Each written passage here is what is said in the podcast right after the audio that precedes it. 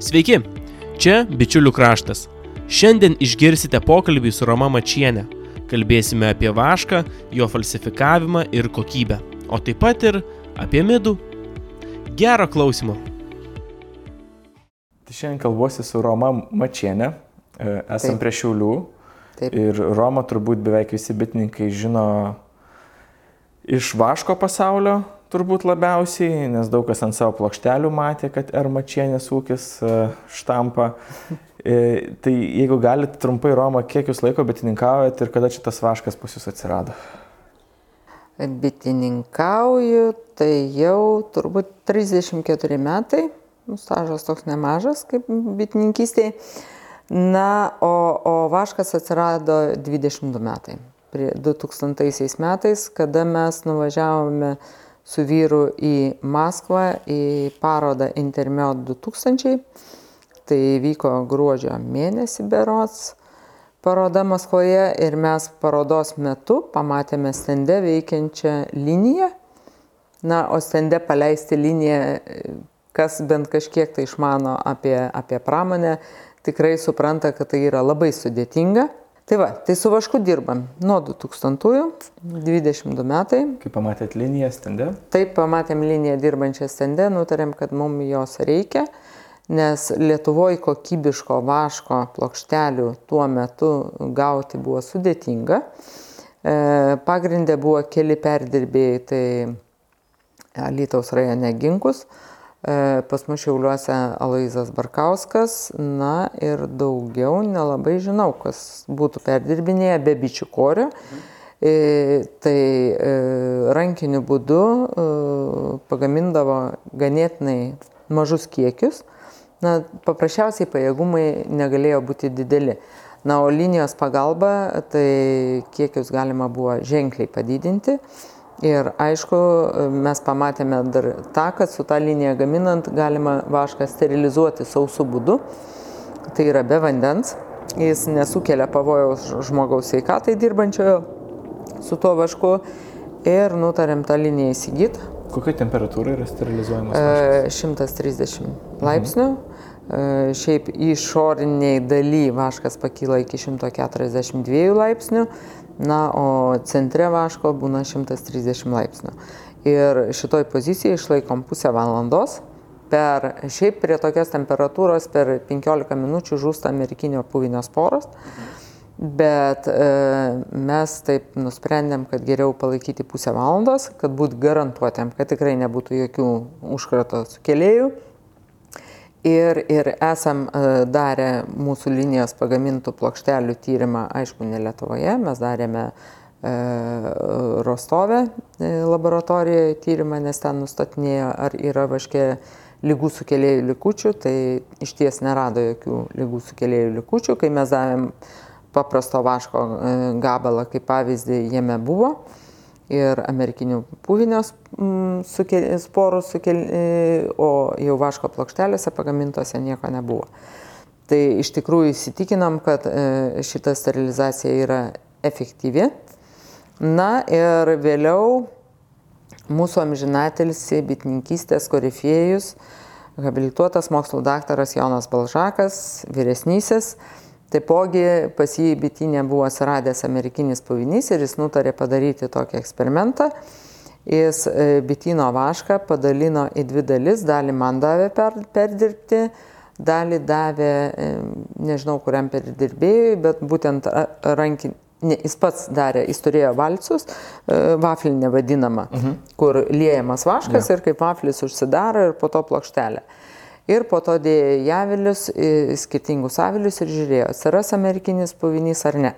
Ir ten, kur dėjo vaflinės plokšteles, ten atsirado amerikinis puvinys, kur dėjo sterilizuotas plokšteles, ten neatsirado.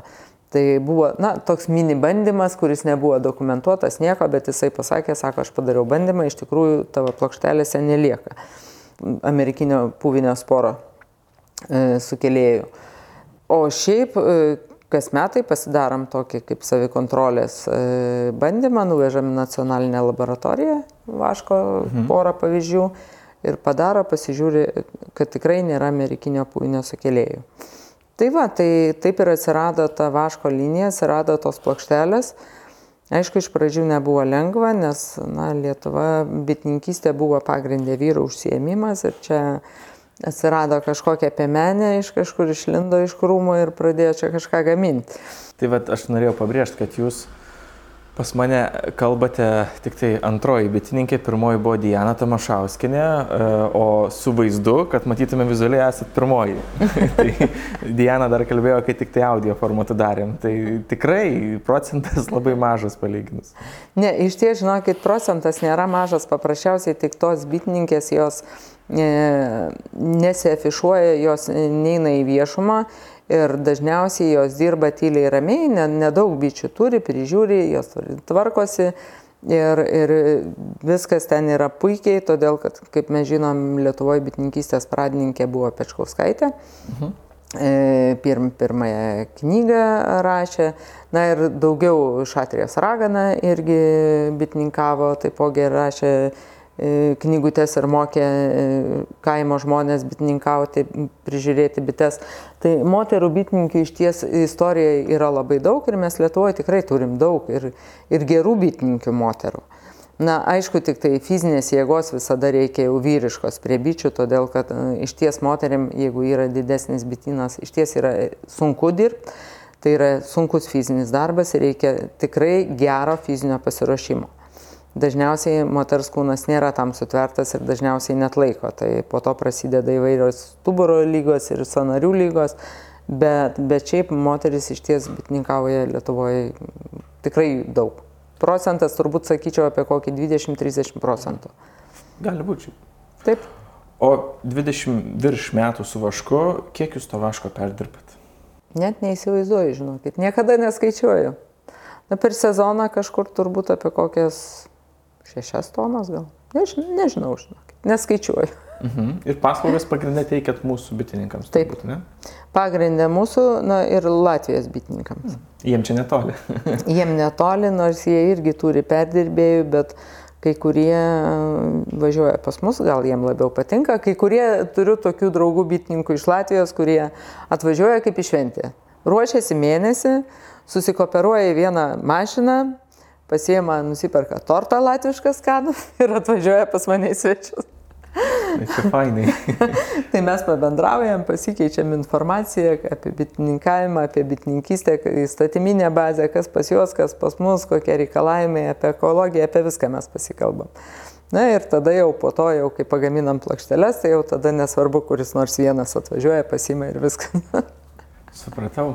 Tai per tiek metų bitininkavimo jūs matėt visokio vaško ir turit, matau, ir ant stalo daug ko pasidalinti. Uh, daug, uh, daug skirtingų atspalvių, skirtingų vaškų. Tai kokia ta situacija pas mus Lietuvoje dabar yra su vašku? Pas mus Lietuvoje su vašku, kuo toliau to situacija prastėja, nes pas mus atsiranda vis to falsifikato, iš kažkur jo įveža daugiau. Anksčiau situacija iš ties buvo geresnė. E, aišku, stambus bitynai, kurie dabar yra Lietuvoje, jų tikrai yra ganėtinai nemažai. Aišku, jie sudaro gal tik tai apie kokius 5-6 e, procentus nuo visų bitynų. Tie stambus bitynai, profesionalūs bitynai, bet e, juose situacija, aišku, yra žymiai geresnė su vašku. Jie savo prisižiūri, kontroliuoja. Taip, jie savo. Aišku, bitininkai, kurie turi e, apie šimtą arba virš šimto bičių šeimų, tai taipogi gali e, susirinkti savo bitino vašką kiekvienais metais. Todėl, kad viena bičių šeima pajėgi pagaminti iki 2-2,5 kg vašką. Tik tai jeigu bitininkas tinkamai tą vašką surenka ir leidžia bitėm visą laiką duoda tą vašką kažkur padėti, o ne išmest lauk. Na, o situacija, tai va, kaip matom, čia turim tokių įvairių pavyzdžių, mes jeigu randam, kur jau plika akim matosi, kad tai falsifikatas, dažniausiai tai pravažiuoja iš parduotuvių, e, kuriuose darbuotojas ne visada turi pakankamai žinių, kaip atskirti tikrą vašką nuo falsifikato. Ir, ir va tokių gabaliukų mes randam, juos kaupiam, po to atiduodam šokių mokyklai, kad galėtų vaškuoti grindis. Na šitas gabaliukas tai yra grinas parafinas, nes mes matom, jis turi stikliškumą, šviečia, jeigu prieš šviesą pakelsim keurai gabalą šviečia. Ir aišku, struktūra jo tokia. Na, tiesiog pačiupinėjus jaučiasi, kad tai ne vaškas. Mhm, kažkoks per daug stikliškas atrodo. Per daug stikliškas ir, ir e, skilimo vieta, skilimo vieta, jinai yra tokia labai smulkiais grūdeliais, nu tokia, nu, ne vaškas. Ir, Turi šiek tiek panašumo dėl to grūdelio Turi, vašką. taip, turi, bet pavyzdžiui, jeigu mes, mes va, su peiliu pjauname, va, matom, kaip lūšta. Lūšta. Ir, ir kaip atpjovėm blizga. Jo, Šita vieta visiškai blizganti. blizga. Tai e, va, ir kad ir planai mes pjaunam, e, šitą tokį, toks gabalėlis, jisai va, trukinėja, visas juostelėm sutrukinėja. Tai jau čia faktas, kad yra ne vaškas. Na, jeigu mes paimsim gryną vašką, tai vaško paviršius yra tolygus, šonai yra tolygus, nėra jokio rašto, jokio ornamento, skirtingai nuo, pavyzdžiui, šito gabaliuko vašonas yra. Visiškas ornamentas, kažkokie Ir, tai... ir prieš saulę pavertus matos, kad, kaip, kaip sakėt, tarsi marmurinė struktūra. Jo, iš šono net ir riebalas kažkoks matosi. Taip, taip. Bet nepaisant jo, vis tiek yra tokia Ma- marmurinė marmuro. struktūra. Taip, taip, tai čia jau faktas. Ir matyt dar, kad atrodytų tikroviškiau, kažkokiu priemaišu įdėta, e, kad atrodytų kaip kad būtų vaškas lydytas cinkuotam indė, nes nuo cinkuotojo indo vaškas nusidaro pil, pilka spalva. Na ir aišku, va, jeigu mes pjauname, tai va, jisai net nesivinioja, kaip turėtų vaškas viniotis. Matot, jis, jis va, lygus ir jisai veliasi ant peilio. Aha, Ve, veliasi ant peilio ir va, lieka labai negražus pjovimas. Na tai čia, e, čia gali būti ir cerazina, čia yra parafinas, čia 100 procentų parafinas. Na, dar vieną medžiagą šiais metais gavom, tai, tai va šitos medžiagos mes nežinom, kas čia per medžiaga, va, tokie, va toks vaškas. Tai buvo didelis gabalas, mes paprašėm, įsipjojom gabaliuką, kad galėtumėm kaip pavyzdį parodyti ir bitininkam, ir čia per mokymus rodžiau. Na, tiesiog ir jį kaip čiupinėjai, iš karto pirštai tokie riebaluoti, ne, nemalonus pasidaro. E, Vaškas niekada prie pirštų nekimba.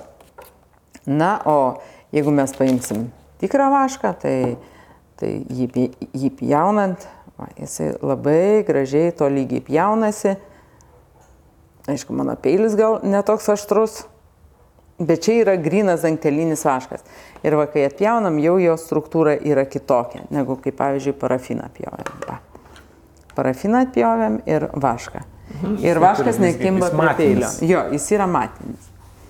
Ir jeigu, e, pavyzdžiui, vaškas keliame, jis iš karto skyla. Jeigu skeliame vaško gabalą su priemaišom, tai būna, kad iš e, trečio, ketvirto karto negali perskelti, o paprasčiausiai lieka tokia kaip įdubimas ir jis pabala tas įdubimas. Tai reiškia, kad jau tame gabale yra tam tikrų priemaišų. Na, yra dar į, kiti organoleptinio nustatymo, vaško mm, falsifikato nustatymo būdai, tai kvapas. E, Kvapas vaško turi būti nuo malonaus, e, stipraus medaus e, kvapo iki silpno, bet jis turi būti malonus medaus, kvapo, medaus kvapas. O jeigu vaško gabalas kvepia žybalų ar ten kokia kita medžiaga, arba iš vis neturi kvapo, arba turi naftos produktų kvapų, tai aišku, kad ta medžiaga nėra natūrali. Ir va, šitą, jeigu pauostytumėte, jūs jokio medaus kvapo nėra. O va šitą uostant iš karto medaus kvapas. Va šitas irgi e, netgi atsiduoda tokiu kaip tepalu, kaip kažkuo tai tokį, tokį Jo, techninį čia tai kvapą. Primena turi. kažką vaikystėje, Jo. bet neprisimenu ką. Gal žvakės Jo, nu, tai ž- žvakės, kadangi jos parafinės, o čia irgi vaškas, jisai natūraliai kvepia. Na, nu, šitas tai Jo. gražuolis. Gražuolis, jis labai gražus. Na, čia vėlgi nežinau, kokia čia medžiaga, bet tai tikrai nėra vaškas, nes, kaip matom, Bet čia jau skilimo- sakyčiau, kad vaškas, aš pats netreniruotų žvilgsnių, taip nepažiūrėjęs daug, tai skilimo vietoje jisai visiškai labai smulkus grūdeliai, va, kaip susivinioja ir tiesiog jis skaistiklas. Sviestas kažkoks. Kaip, ne? nu tiesiog, kaip A, sviestas irgi ir labai, irgi labai blizga. labai. Ir, ir, nu jo, ir kvapas taipogi atsiduoda lik truputį parafinų, lik kažkuo tai, bet Aha, tikrai šitas tai nenatūralus. Visiškai nevaško kvapas. Ir Taip. jis turi tą marmurinę, kur čia Taip. kaip buvo. Jo, va čia ant blizgios pusės. Kaip marmuras, taip, yra, turi raštas. raštą. Taip. Tai šiaip jau uh, vaškas natūralus, jisai jokio marmuro neturi, jis jo paviršius va, yra lygus. Lygus, gražus. Ir jeigu mes, pavyzdžiui, su peiliu va braukiam, jisai to lygiai braukėsi. Yra dar ir toks tikrinimo būdas. Na, o jau kur nevaškas, va, jis tiesiog... Nu, Kimba. Jis šokinėja. Peilis šokinėja, spaudė ir šokinėja. Va, matot? Mhm. Galite pabandyti. Jis tiesiog Aš. šokinėja. Taip. Aha. O dabar va, pabraukit va per šitą gabalą ir pamatysit. Ar nesigaus man ir. Gaus. Ai, ne, tikrai. Jo, jis. Žiaurus skirtumas. Taip. Tai e, jeigu iš e, šiaip organoleptiniai būdai yra e, berots šeši, jeigu bent trys iš jų jaučiat, kad jie netitinka tikro vaško, tai galima jau sakyti, kad tai yra falsifikatas. Supratau, supratau. Aišku, tai o ar įmanoma mums bitininkams atskirti, kokias mes plokšteles nusipirkom? Įmanoma.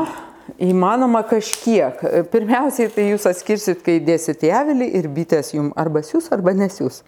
Tai jeigu bitės nesiūna, tai žinokit, kad ten jau yra labai daug priemaišų. Tai yra daugiau negu 20 procentų priemaišų ir bitės jau nebesiūna. Jeigu priemaišų yra mažiau, jos siūna. Bet šitą iškart galim pasakyti, nes daug pradedančiųjų kalbės. Spėju, kad šitas e, pradžioj pavasario, nu, pavasarį galioja, ne pradžioj pavasario, bet pavasarį. Vasarą tai jos ten šiaip nesiūna. E, Ne, jokių būdų. Kaip tai? E, Tai galioja visą laiką. Jeigu gamtoje yra nektaras, bitės siūna. Taip. Jeigu gamtoje nektaro nėra, tada jos nebesiūna.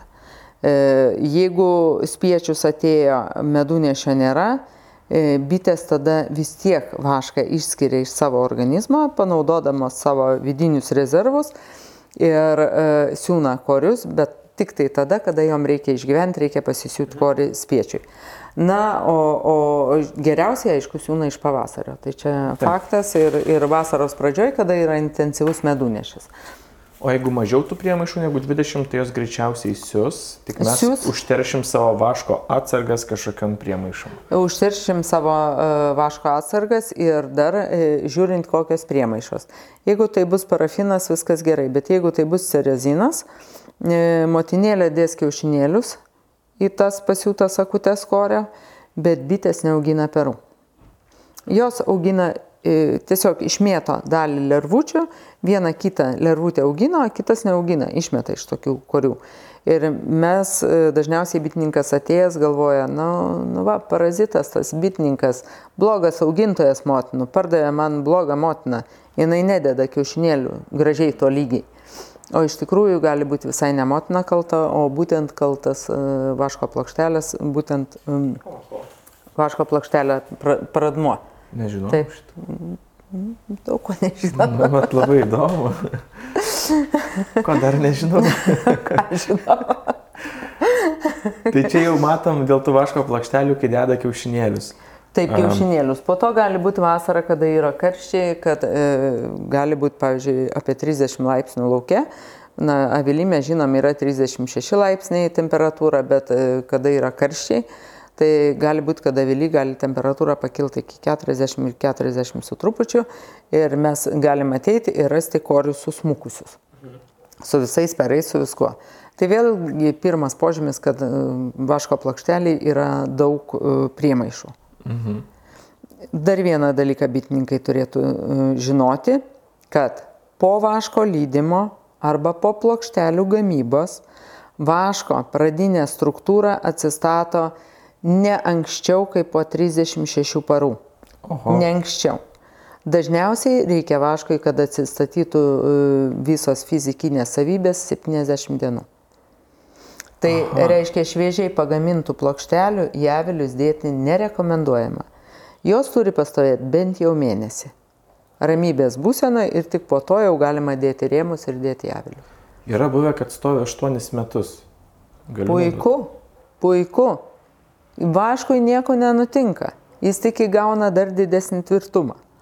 Patamsėja? O jis nepatamsėja, jis pabala. Pabalo. Pabala. Čia natūrali, natūralus e, vaško e, laikymo sąlygų buvimas, kaip ir šokoladas. Jeigu ka- karštoj temperatūroje palaikėm arba šaltį, jis pabala.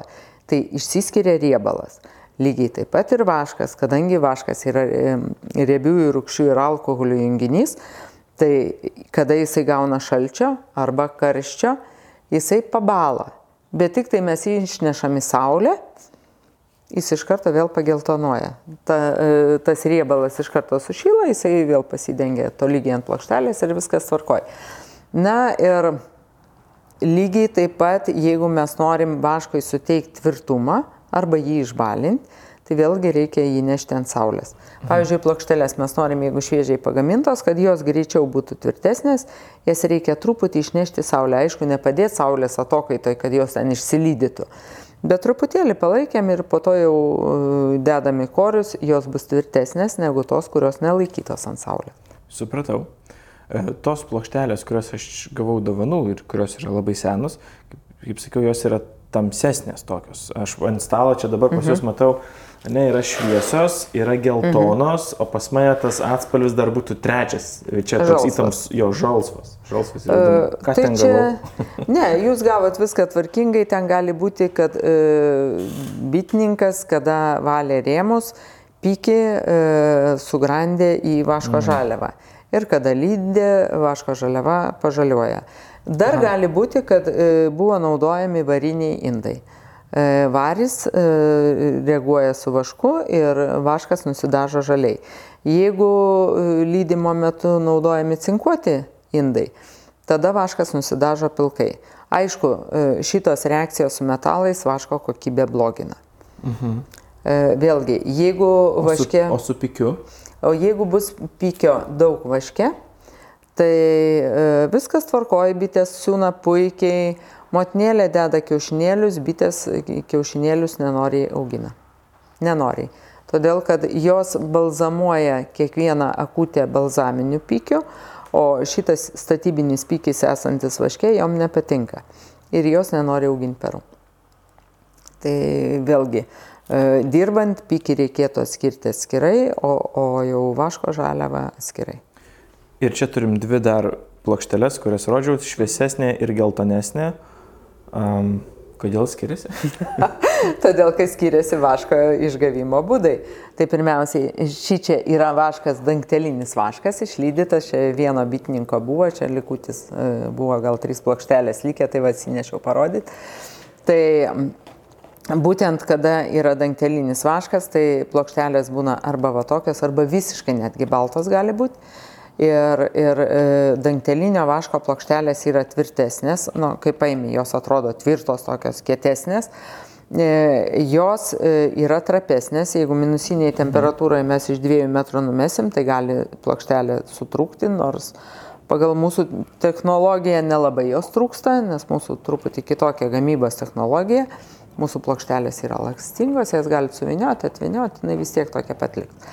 Na, o va šitas geltonas vaškas, tai čia yra iš e, pirmos rušies žaliavos, tai yra šviesus koriai, e, išlydyti, kartu gali būti čia nais ir dangtelinio vaško įmaišyta, bet čia jau matom, e, nes kas nudažo vašką. Vašką nudažo e, korio akutėse esantis balzaminis pykis ir žiedadulkės, kurios pakliūna kartu su medum ir jos nudažo vašką.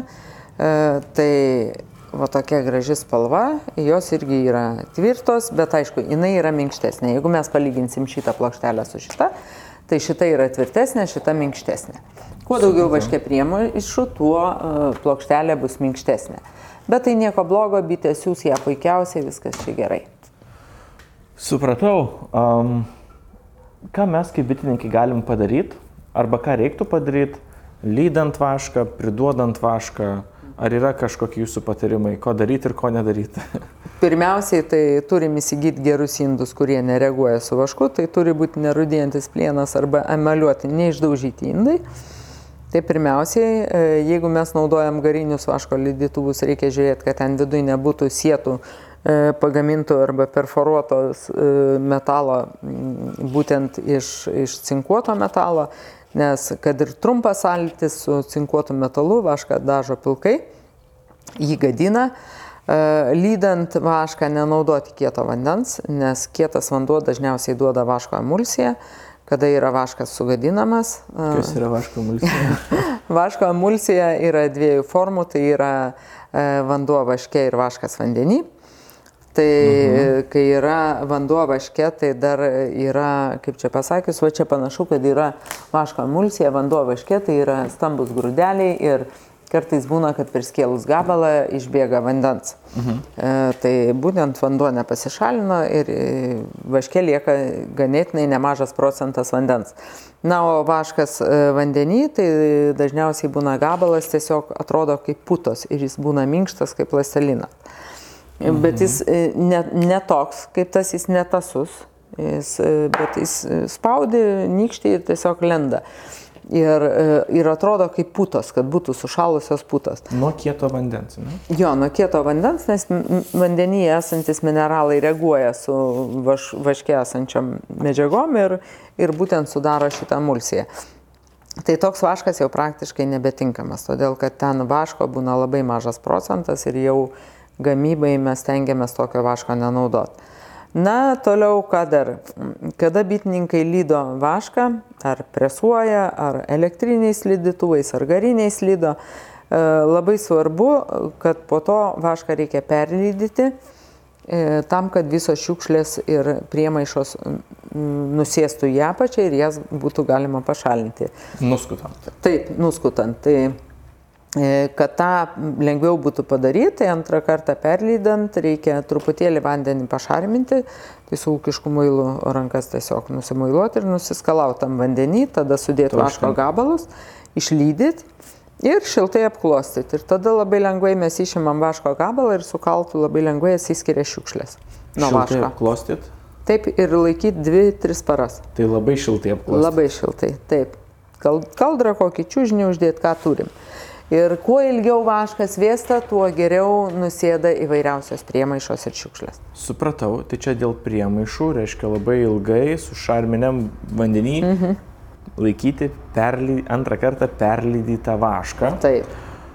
A, dėl indų pasakėt nerudėjantis plienas arba emaliuoti neišdaužyti, mhm. o aliuminis? Aliuminis, e, kai kurie aliuminiai yra su kitų metalų priemaišom ir dažniausiai jie reaguoja. Mhm. Jeigu grynas aliuminis taip tinka, bet yra dažniausiai būna aliuminio ir kitų metalų liejiniai ir jie reaguoja. Spalva duoda kažkokią, ne? Duoda spalvą. Supratau. Aha, tada nuskutam tą visą apačią ir galim vežti į supirkimą. Taip. Arba išsikeisti savo plokštelės. Arba išsikeisti savo plokštelės, arba žvakės gaminti, ką tik norit jau manęs tikrai klaus kas nors asmeninė žinute arba komentarais, e, jeigu dabar žmogus nori pas jūs atvežti savo vašką, gal jūs įtarėt, kokios yra supirkimo kainos pas jūs? Ne, pas mus mes, mes dažniausiai teikiam paslaugą, tai mes keičiam plokštelės, e, mes labai mažai perkam. Mhm, supratau, jūs keičiate į plokšteles? Keičiam ir už darbą mes įmam. Mhm. Šia, kas bus naujais metais, aš nežinau, kai kaina šitaip auga, kol Taip. kas pas mus paslauga 2 eurai, kas bus rūdienį, nežinau. Gal busim priversti irgi kainas kelt, kaip, kaip ir viskas, kad skila, nes pas mus viskas su elektra. Mhm. E, kadangi elektra brangsta, labai puikiai žinom, vis, tai ko gero, kad teks ir mum perskaičiuoti šitą kainą. Supratau, tai čia keičiant, o ar galima pas jūs lydyti iš savo? Iš savo galima, bet turi būti kiekis ne mažiau 170. O, kaip specifiškai, nuo 170. Na, taip, nes mūsų sterilizatoriaus e, tokio dydžio. Ai, neapsimoka dėl mažiau. Jo, ne, ne, neapsimoka, o vaškas gali pradėti degti. Gali atsirasti savaiminis užsidegimas, nes vaškas, jeigu pakyla temperatūra iki pusantro šimto, gali savaime užsidegti. O, tai čia labai plonytė riba tarp 142 kraštuose. Ojoj, supratau. Taip, taip. Aha, gerai. Ką dar apie vašką mes galim arba turim žinoti kaip bitininkai? E, kaip bitininkai turim žinoti, kad danteliniam vaške e, nėra jokių vaistų likučių, jokių cheminių medžiagų. Na, skirtingai nuo viso kito e, avilyje esančio vaško. Ir dar e, dangtelinis vaškas taipogi turim žinoti parduodami klientui, jeigu mes parduodam tiesioginiam vartotojui, kuris nori gaminti ten pavyzdžiui kremus ar, ar kažkokias žvakutes medicininės, jokių būdų negalima parduoti spaustinio vaško. Mhm. Šitiem dalykam kosmetikai, maisto pramoniai, farmacijai tinka tik dangtelinis vaškas, tai yra aukščiausios kokybės vaškas.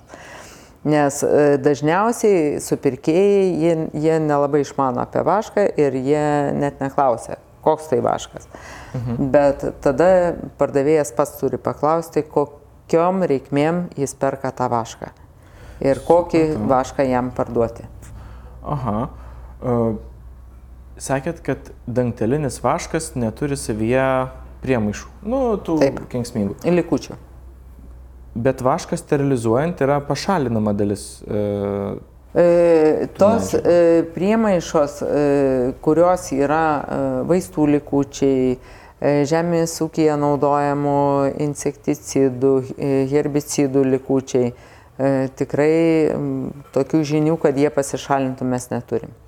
Aha, tai va, mano kitas klausimas buvo, kokios tos medžiagos, kurios gali likti vaškiai ir ką galbūt įmanoma išsitirti, ar tas mano vaškas užterštas, neužterštas, ar yra kažkokios galimybės, kažkokia laboratorija, kuri ką nors, nors vieną medžiagą tirtų.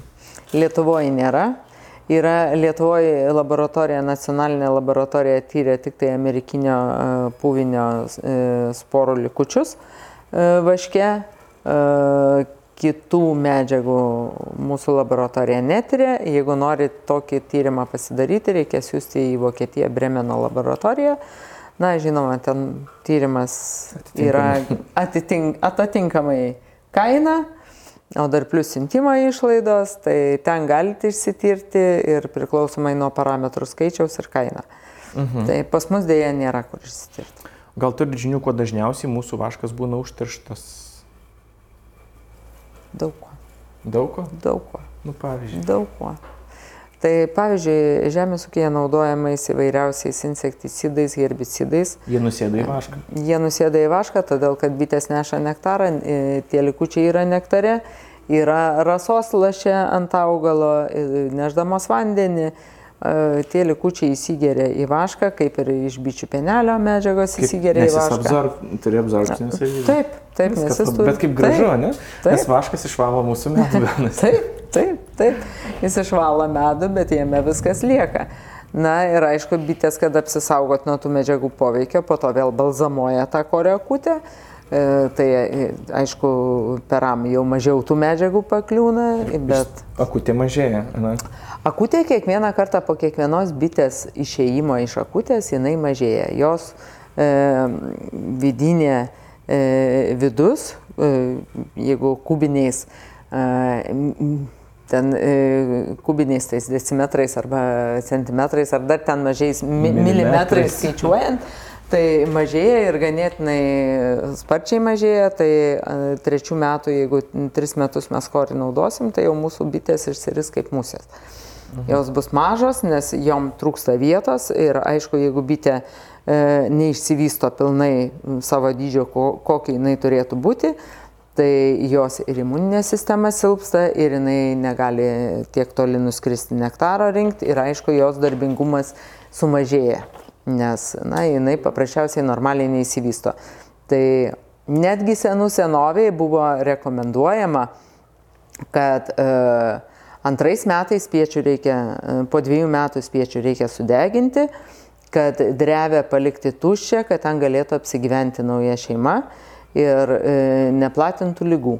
O. Tai netgi senų senoviai buvo pastebėjimas, kad jau iš tų senų korių bitės jų pačios negali įsinešti, tai bitininkas turi drevininkas e, padėti bitėm ir, ir paprasčiausiai juos išdeginti, kad ten atsirastų vietos vėl naujai šeimai. Supratau, kaip įdomiai.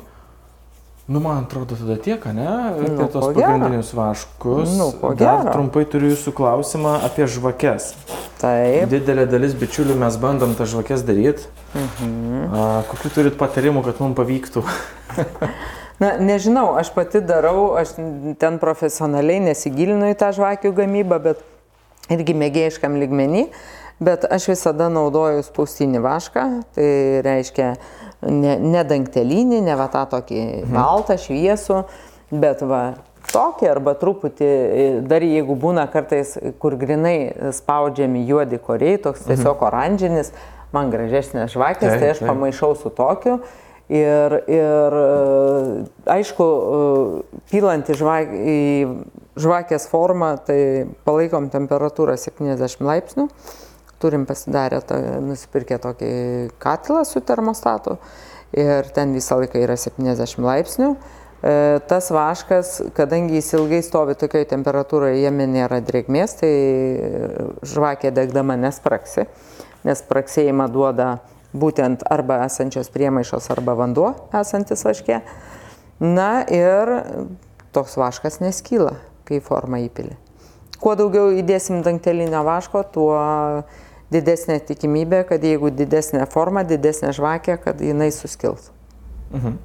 O pats gamybos procesas arba vaško ruošimo žvakiai procesas, kaip jis turėtų atrodyti? Vaškas turėtų būti mažiausiai bent jau 2-3 kartus perlydytas, švarus, mhm. be, be jokių uh, matomų priemaišų, be, be, uh, be bičių lavanėlių ir taip toliau. Jis turi būti iškoštas, švarus, gražus vaškas. Na ir tada mes įdedam į indą, išlydom. Mhm.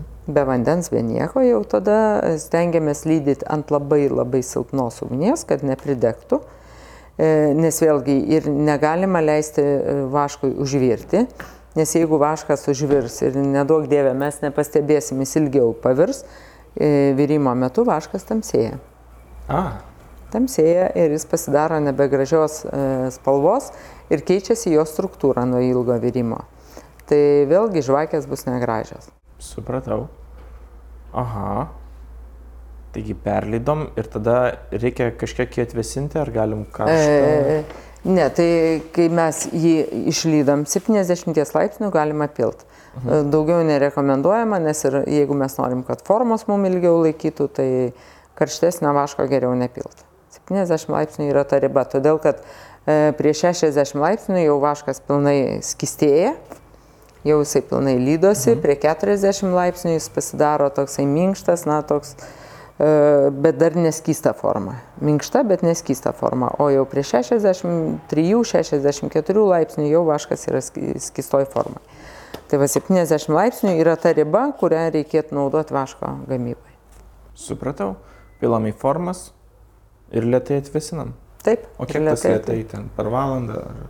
Nu, kol savaime vaškas atvėsta. Būna, jeigu didesnė forma, kartais reikia ir 4 valandų. Mhm. Paprasčiausiai formą pačiupinėjai, jeigu jau jinai šalta, jau tada galima.